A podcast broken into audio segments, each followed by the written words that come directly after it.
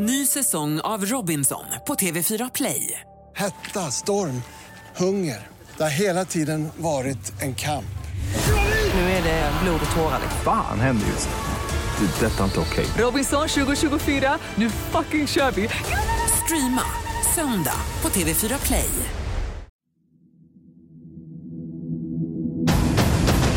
Det här är en människa som har en allvarlig störning då. Fullständigt känslokall inför det här och jag mår inget bra för att igår gjorde jag inbrott och jag hittade ett lik i ett källarförråd. Galna våldshandlingar med människor som hör röster som får dem att eh, göra och agera med grovt våld. Vi har tagit upp tusentals fall genom åren i Efterlyst och gjort skillnad i många av dem. Tittarna har lämnat tips, utredningar har gått framåt, förövare har gripits och dömts. Jag heter Hasse Aro. Välkomna till min podd Fallen jag aldrig glömmer.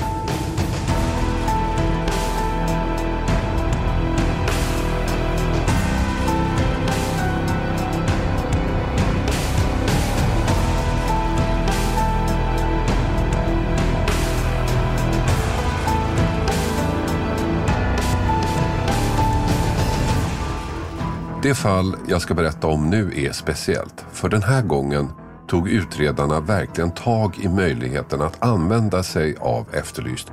Och vi gjorde fyra reportage vid fyra olika tillfällen om samma brott. Och varje gång fick polisen tips. Tips som i ett par fall var helt oväntade och gjorde att hela utredningen vände. En historia kan börja på många olika sätt beroende på ur vilken vinkel man ser den eller hur man berättar den. Den här historien började kanske när Gunilla Westrin tog in en inneboende. Eller kanske den började när hon försvann eller kanske långt innan. Från början var det ingen som var orolig över hennes försvinnande. Hon levde ett bohemiskt liv, hon var engagerad i olika föreningar, tyckte mycket om friluftsliv och kunde göra spontana resor och utflykter. Hon jobbade inte utan kunde ägna all sin tid åt sina fritidsengagemang och sin hobby, silversmide. Ekonomiskt var det lite kärvt, men det är inte säkert att det var därför hon tog in en hyresgäst i sin lilla en och en halv lägenhet. Det kan också ha varit för att hon tyckte synd om en 20 år yngre man som jag väljer att kalla för Kenneth. En man som genom en serie olyckliga omständigheter plötsligt inte hade någonstans att bo. Åtminstone påstod han det. I efterhand skulle det visa sig att Kenneth påstod en hel del som inte var sant. Hans barndom hade varit strulig minst sagt. Kompisproblem, skolproblem och växande aggressionsproblem tärde på förhållandet med hans mamma. När han var 17 slängde hon helt enkelt ut honom efter att han har tagit strypgrepp på henne. Och efter att ha bott på olika ställen utan egentligen någon fast punkt träffade han Gunilla i slutet av 1998 och flyttade in hos henne. Gunillas familj tyckte att arrangemanget var bra. De två hade inget förhållande men Gunillas diabetes gjorde att familjen kände en viss trygghet när han var där. En mycket bedräglig trygghet skulle det visa sig. Någon gång under våren började Gunilla tröttna på sin hyresgäst. Han satt vid datorn hela nätterna och hon klarade inte det. Lägenheten var för liten och hon behövde sova. Vid flera tillfällen lät hon bekanta förstå att Kenneth skulle ut. Men i slutet av maj 1999 blev det tyst. Från det hörde eller såg ingen något av Gunilla. Hennes familj fick reda på att hon var borta genom föreningen Humlorna där Gunilla var aktiv. En av medlemmarna ringde och berättade att de inte sett Gunilla på länge. Utan någon större oro ringde familjen hennes lägenhet där Kenneth svarade. Han förklarade att hon rest bort. Hon hade tagit med sig adressböcker, campingutrustning och kläder, ganska normala saker. Men han berättade också att hon tagit med den fulaste mattan. Och med det lät sig familjen nöja. De hade ju själva trott att hon bara gjort någon utflykt i ett par dagar. Men när hon fortfarande inte hördes av började en liten misstanke växa fram. Mattan. Varför skulle hon ta med sig en matta? Det kändes fel. Så familjen började göra egna efterforskningar. Bland annat upptäckte de att pengar försvunnit från hennes konto och med en gnagande oro anmälde de henne försvunnen den 15 juni. Ett besök i Gunillas lägenhet minskade inte misstankarna. Kenneth bodde kvar, men allt fler saker hade försvunnit, till exempel gardinerna. Dessutom var lägenheten pedantiskt städad, vilket inte var Gunillas stil. Den 10 augusti kom polisens utredare tillbaka från sina semestrar och nu började det hända grejer. Hans Strindlund var den som ledde utredningen om försvunna Gunilla Westrin. Det var så här att det här hände 1999 och vid det eh, tidpunkten så var jag chef för något som heter Våldsgruppen på dåvarande Söderortspolisen. Vi, var, vi sysslade med, med utredningar om grova våldsbrott. Vi var ungefär 11-12 stycken i gruppen. Och eh, i den gruppen så fanns det en kollega som heter Thomas Guttke som jag placerade som handläggare i det här ärendet. Då. Det, det var ju så att eh, den här kvinnan, Gunilla då, i 50-årsåldern, anmäldes försvunnen av sina systrar. Eh, och, och, det sker alltså i, i juni, 23 juni. Men man har inte sett henne sedan den 30 maj. Det startade som en försvunnen, anmälan försvunnen person.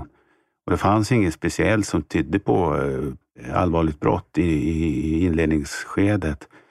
Däremot så gjorde vi vissa efterforskningar och kom fram till att eh, i augusti, 10 augusti, då eh, förflyttade vi positionerna och, och eh, jobbade ut efter att hon var försvunnen på grund av brott. Och det var ju så, man gör ju en, en, en kartläggning av, av den här försvunna personen och då framgick det ju att det var, ju, var en person som verkligen inte eh, hade tidigare på något sätt eh, haft sådana beteenden att man frivilligt håller sig borta. Eh, det är första frågan, kan den här personen frivilligt hålla sig borta? Det är det mest sannolika. Ja, man låter det ju få vara ett tag. Ibland kan det ju vara så också. Att, eh, eh och eh, Det var också så att eh, vi kunde få fram att eh, hon skulle på ett styrelsemöte. Hon, var, hon jobbade på något som heter Humlan. Eh, och det hade aldrig hänt att hon hade missat ett styrelsemöte. Och framförallt så har det aldrig hänt att hon inte talar om varför. Eh, det var ett dåligt tecken.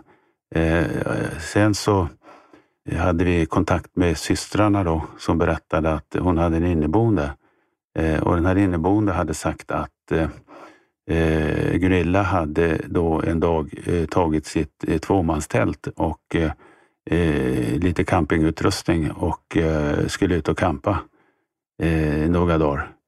det gjorde också då att det var, det var en bra förklaring då kan man säga för att Eh, det, det, är svårt att kontrollera det. det. det. finns mycket skogar och man kan åka ett annat land och hon åkte till Finland eller någonting sånt där. Så det fick ju ligga, på, ligga då ett tag va?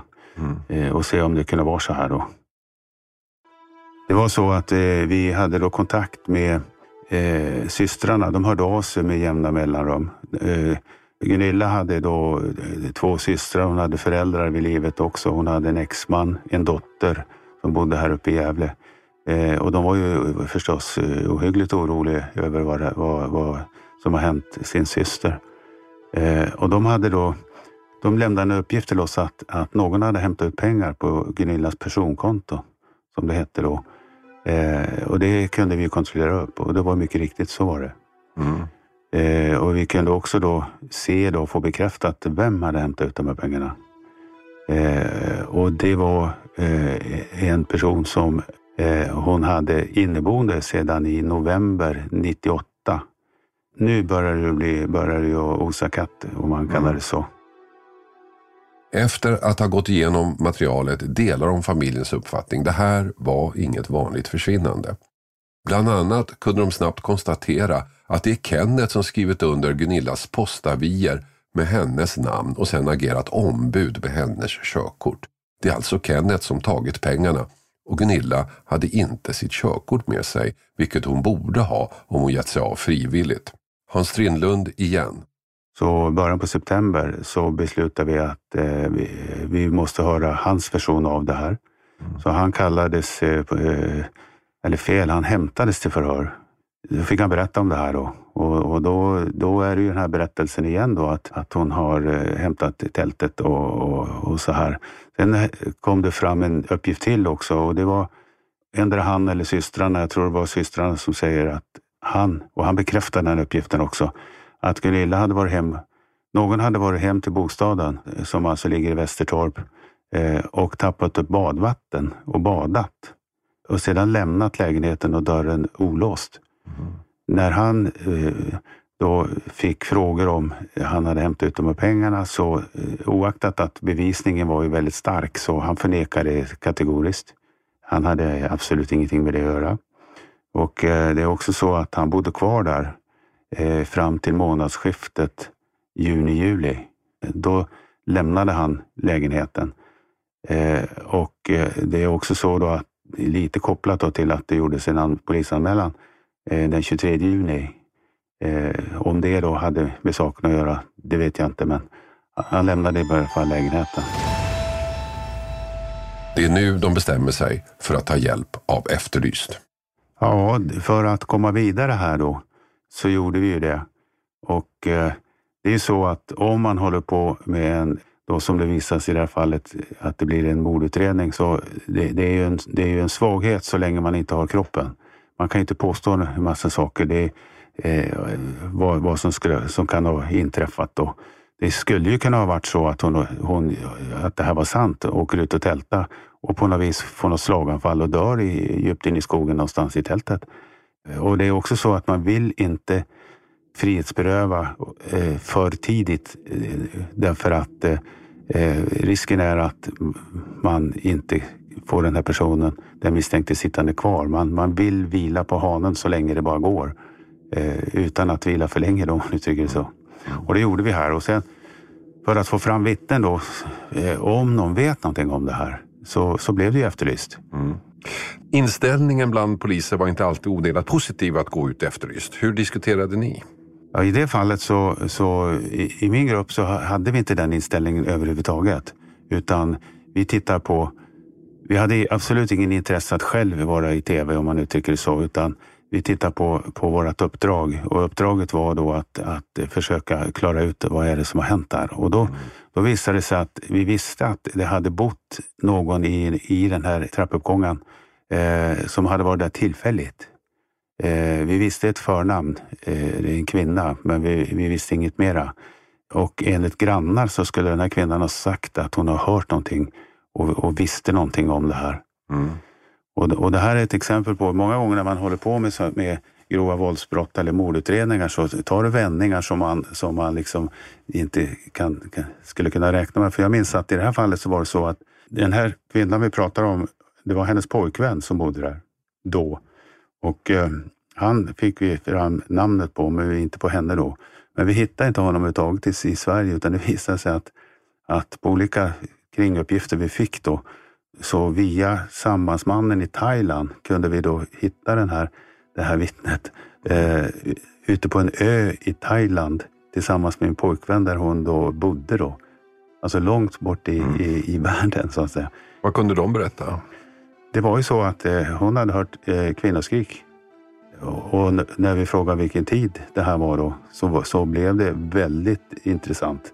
Därför att det var då slutet på maj, trodde hon, vad hon minns av det här. Jag hade också ett annat vittne i trapphuset som säger att hade hört möbler som skrapade. Eh, så här. Och det här vittnet jag pratade om som fanns på en ö i Thailand, den lägenheten låg direkt över Gunillas lägenhet. Och det här gjorde ju då att eh, nu, nu börjar det ju smalna. Vi kunde börja smalna utredningen lite. Mm. Men ni hade fortfarande ingen kropp? Nej. Det första inslaget gav ett intressant tips. En granne hade hört bråk i Gunillas lägenhet natten mot den 30 maj. Så nu var det dags att höra Kenneth. Det förhöret skedde också 8 september. Han nekade till allt. Han hade inte ens varit i lägenheten den natten. Så efter förhöret släpptes han. Och Efterlyst gör ett inslag till. Den här gången ringer ett annat vittne och säger sig att han har sett Kenneth i lägenheten den natten tvärtom mot vad Kenneth själv påstår. Men fortfarande hade man ingen kropp. Utredningen stod och vägde. Utan att hitta Gunilla kunde det vara svårt att binda Kenneth vid något brott. Och det är då försynen, slumpen eller ödets ironi griper in genom att de två poliserna på Medborgarplatsen i Stockholm bestämmer sig för att kontrollera den notoriske småtjuven Robert. Man hade då träffat en missbrukare, en uteliggare, som eh, man hade kontrollerat upp eh, av någon anledning. Och under den här kontrollen så berättade den här missbrukaren att eh, jag, jag, jag mår inget bra för att igår gjorde jag inbrott i Västertorp och hittade ett lik i ett källarförråd. Och de här två poliserna tittar på varandra och men hallå, är du nojig nu eller vad är det? Nej, säger han, det är sant. År 1999 var Robert känd av polisen som knarkare och uteliggare. Och just den här sommarnatten sökte han ett nytt ställe att sova på eftersom hans tidigare gömma blivit upptäckt. Han hade hamnat i Aspudden och efter en stund hittade han det han sökte. En öppen portuppgång med en olåst källardörr. Perfekt.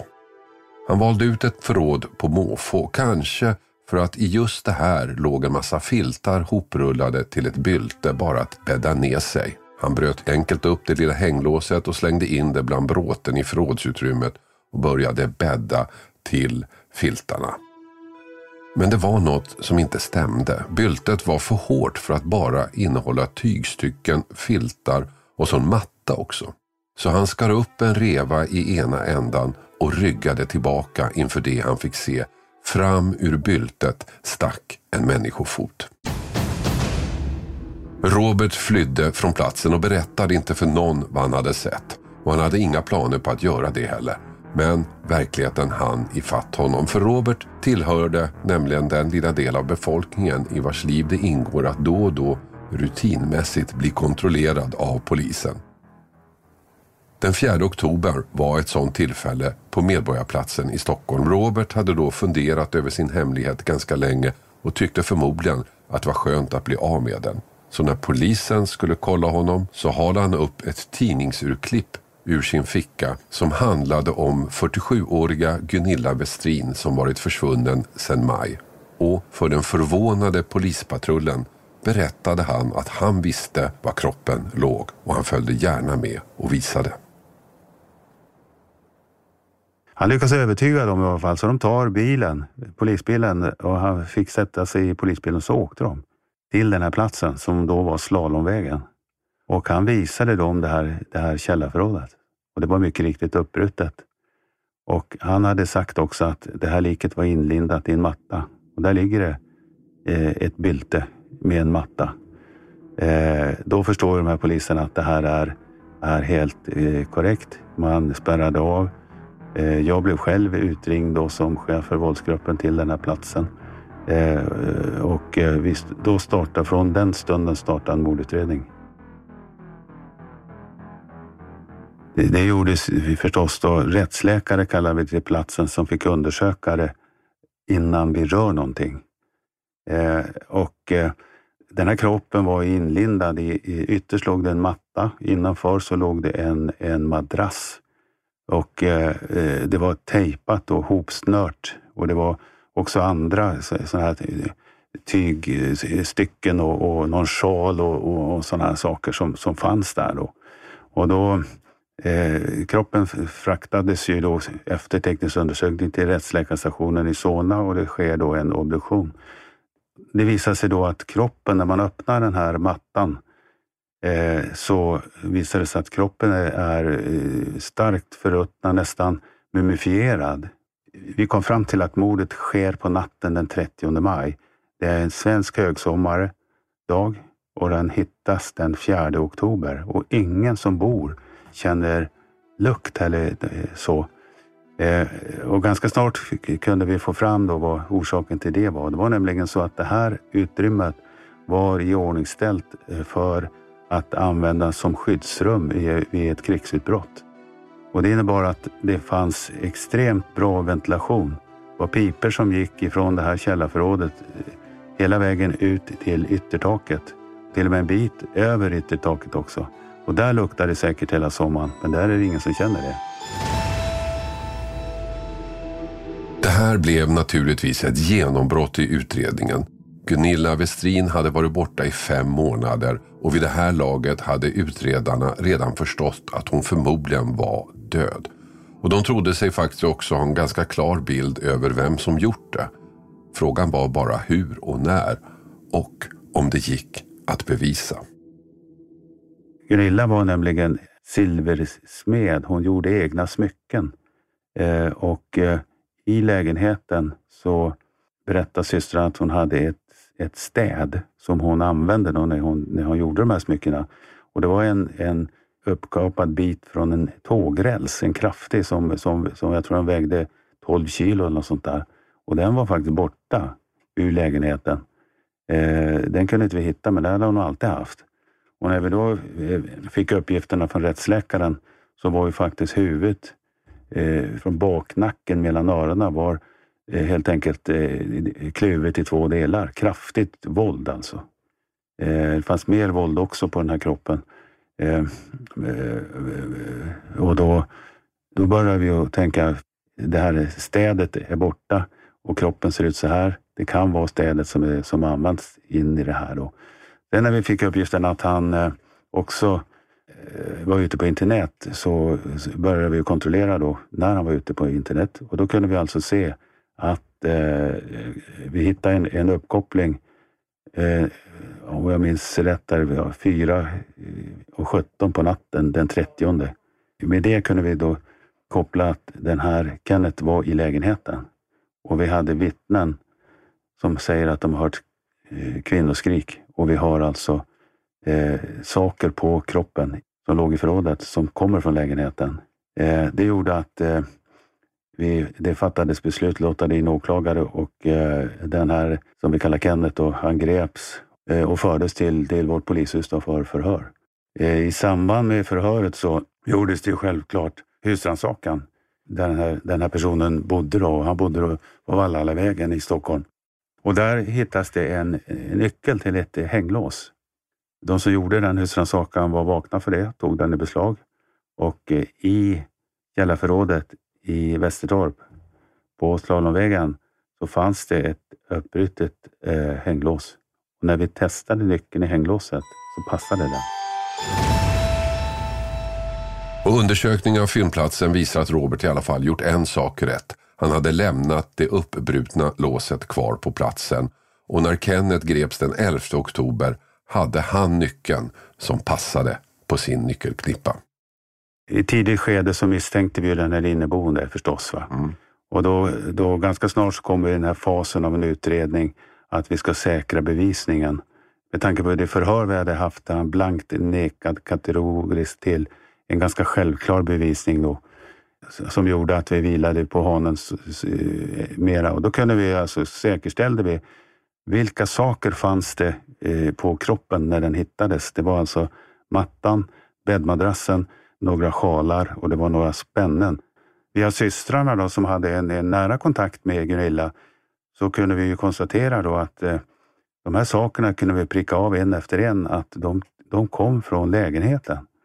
Eh, från Gunillas lägenhet.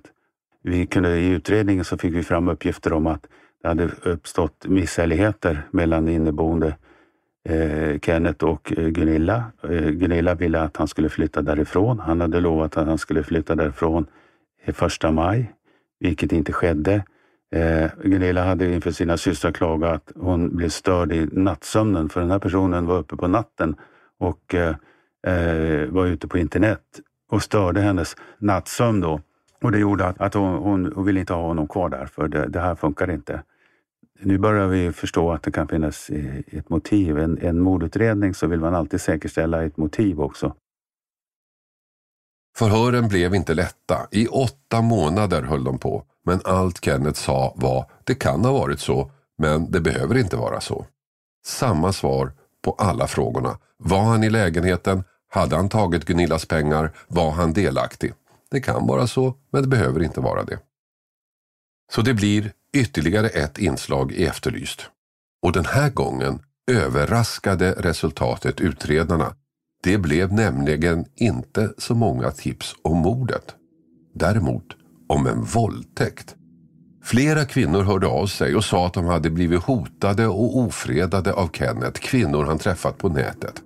Andra kunde berätta att de chattat med en kvinna som kallade sig för Tricky, en förtvivlad ung kvinna som för sina anonyma nätvärdinnor berättade att hon blivit våldtagen av mannen som kallade sig Sagan. Nu ville hon varna andra.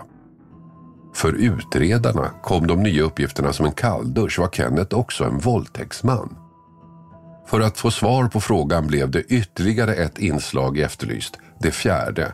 Den här gången sökte vi efter Tricky. Och hemma i sin lägenhet satt den unga kvinnan och såg på inslaget. Med tårarna rinnande nerför sina kinder gör hon något hon inte vågat förut. Hon lyfter telefonen, ringer in och berättar vem hon är och att det är hon som har blivit våldtagen. Efter åtta månaders förhör och en 1600 sidor tjock utredning åtalas Kenneth den 4 januari 2000 för mord på Gunilla Westrin och för grov våldtäkt av Tricky. Dessutom för urkundsförfalskning och bedrägeri. Och tingsrätten dömer honom. Men inte till fängelse utan till rättspsykiatrisk vård. Den psykiska undersökningen av honom visar nämligen att han lider av en störning grav nog för att han ska få vård istället för fängelse. Men Kenneth är inte nöjd. Han byter advokat och överklagar till hovrätten och nu händer något som får familjen att tvivla på hela rättssystemet. En serie absurditeter som gör att Kenneth faktiskt kan gå fri. Hovrätten gör en egen rättslig prövning och kommer fram till att Kenneth är frisk nog att sitta i fängelse och plötsligt riskerar han livstid. Så då drar han tillbaka sin överklagan. Tingsrättens dom blir den som gäller. Samtidigt meddelar hans läkare sedan två månader att Kenneth nu tillfrisknat och inte längre är i behov av vård. Plötsligt kan han gå fri. Men så blev det inte. Beslutet om friskrivning överklagades och Kenneth sattes på tvångsvård. Men historien slutar inte där. Vi på Efterlyst får nämligen anledning att ta upp fallet Kenneth igen. För 2007 rymmer han från Karsuddens rättspsykiatriska klinik. Så vi efterlyste honom och han åkte fast. Men det var inte det enda. En ung kvinna såg programmet med inslaget om förrymde Kenneth och kände igen honom.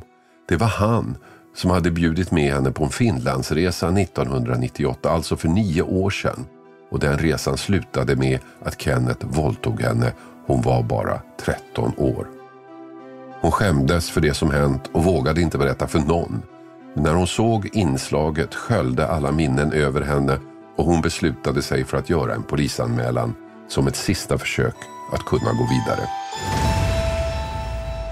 Den här Kenneth då hade då eh, fått kontakt med den här eh, unga flickan, då, tonårsflickan och man åkte på en eh, eh, eh, Finlandsresa och där våldtog han henne. Och, och det rubricerades som grov våldtäkt. Mm.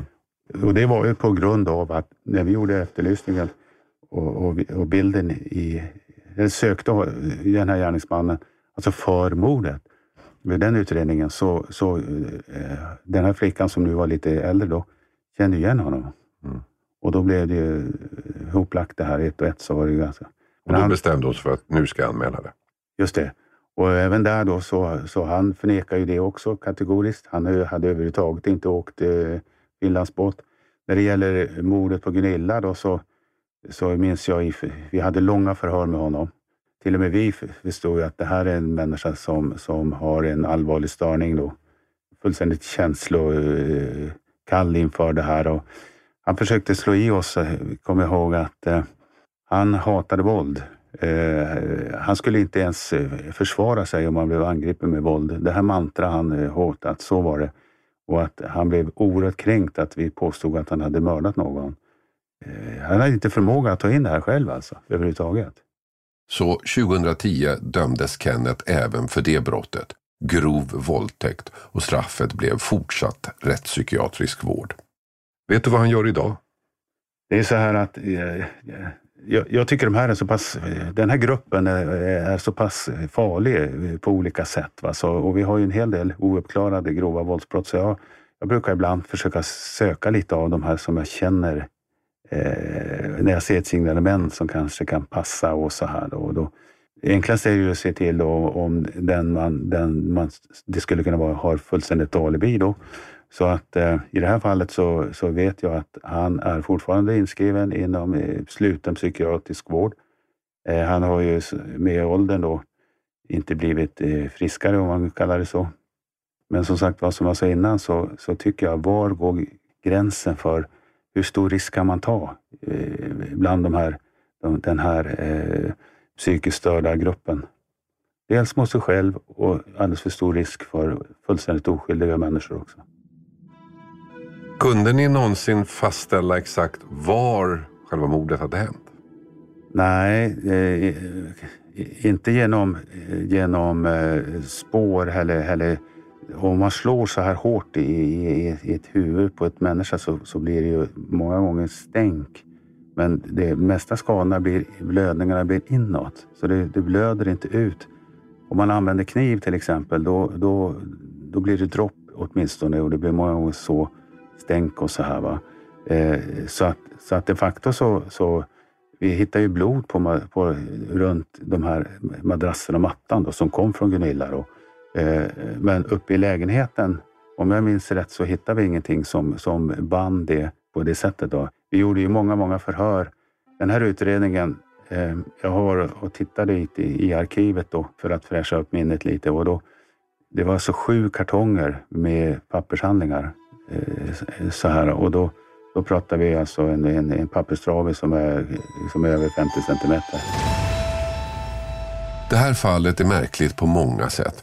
En aspekt som Hans Strindlund blir upprörd över är den reform på psykvården som infördes på 80-talet. En reform menar han som innebar att människor med psykisk ohälsa förlorade möjligheten att vårdas på sjukhus. Istället släpptes de ut och för en del blev det mer än de klarade. Några blev hemlösa, uteliggare och för några andra, några få, utvecklades deras problem till ohanterlig ångest som ledde till brott.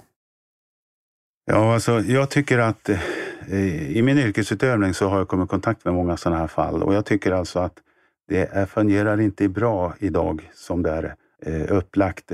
Jag tycker alltså att det är alldeles för många människor som har tragiskt har drabbats av allvarliga psykiska sjukdomar. Och det är så här att om den personen tappar kontrollen över sig själv, då blir det ofta mycket våld.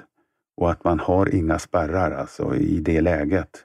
Det kan fungera i långa stycken då, men eh, och, och, vi kan ju bara se i tidningar och media så här så är det sådana här alltså, galna våldshandlingar med människor som hör röster som får dem att eh, göra och agera med grovt våld.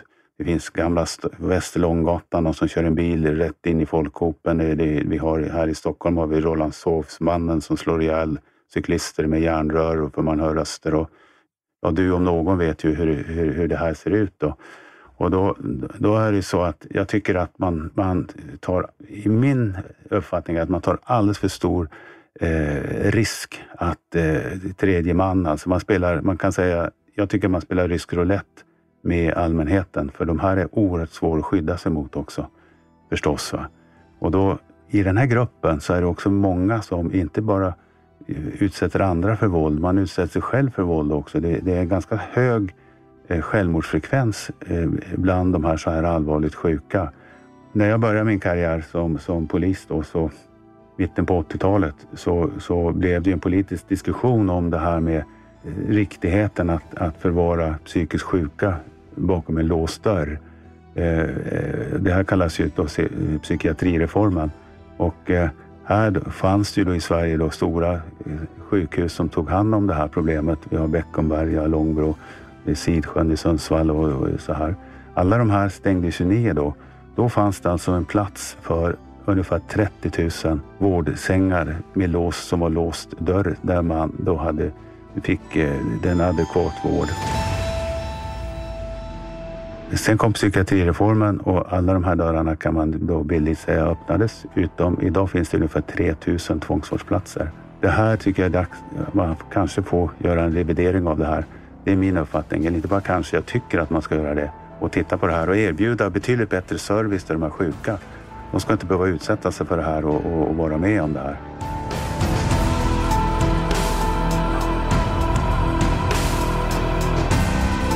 Klippning och inspelningsansvarig David Dabba Persson och exekutiv producent Mattias Arvidsson.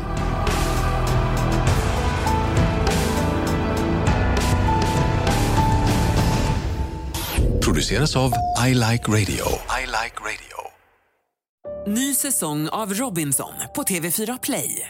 Hetta, storm, hunger. Det har hela tiden varit en kamp Nu är det blod och tårar. liksom. Fan händer just nu. Det. är Detta är inte okej. Robinson 2024, nu fucking kör vi! Streama söndag på TV4 Play.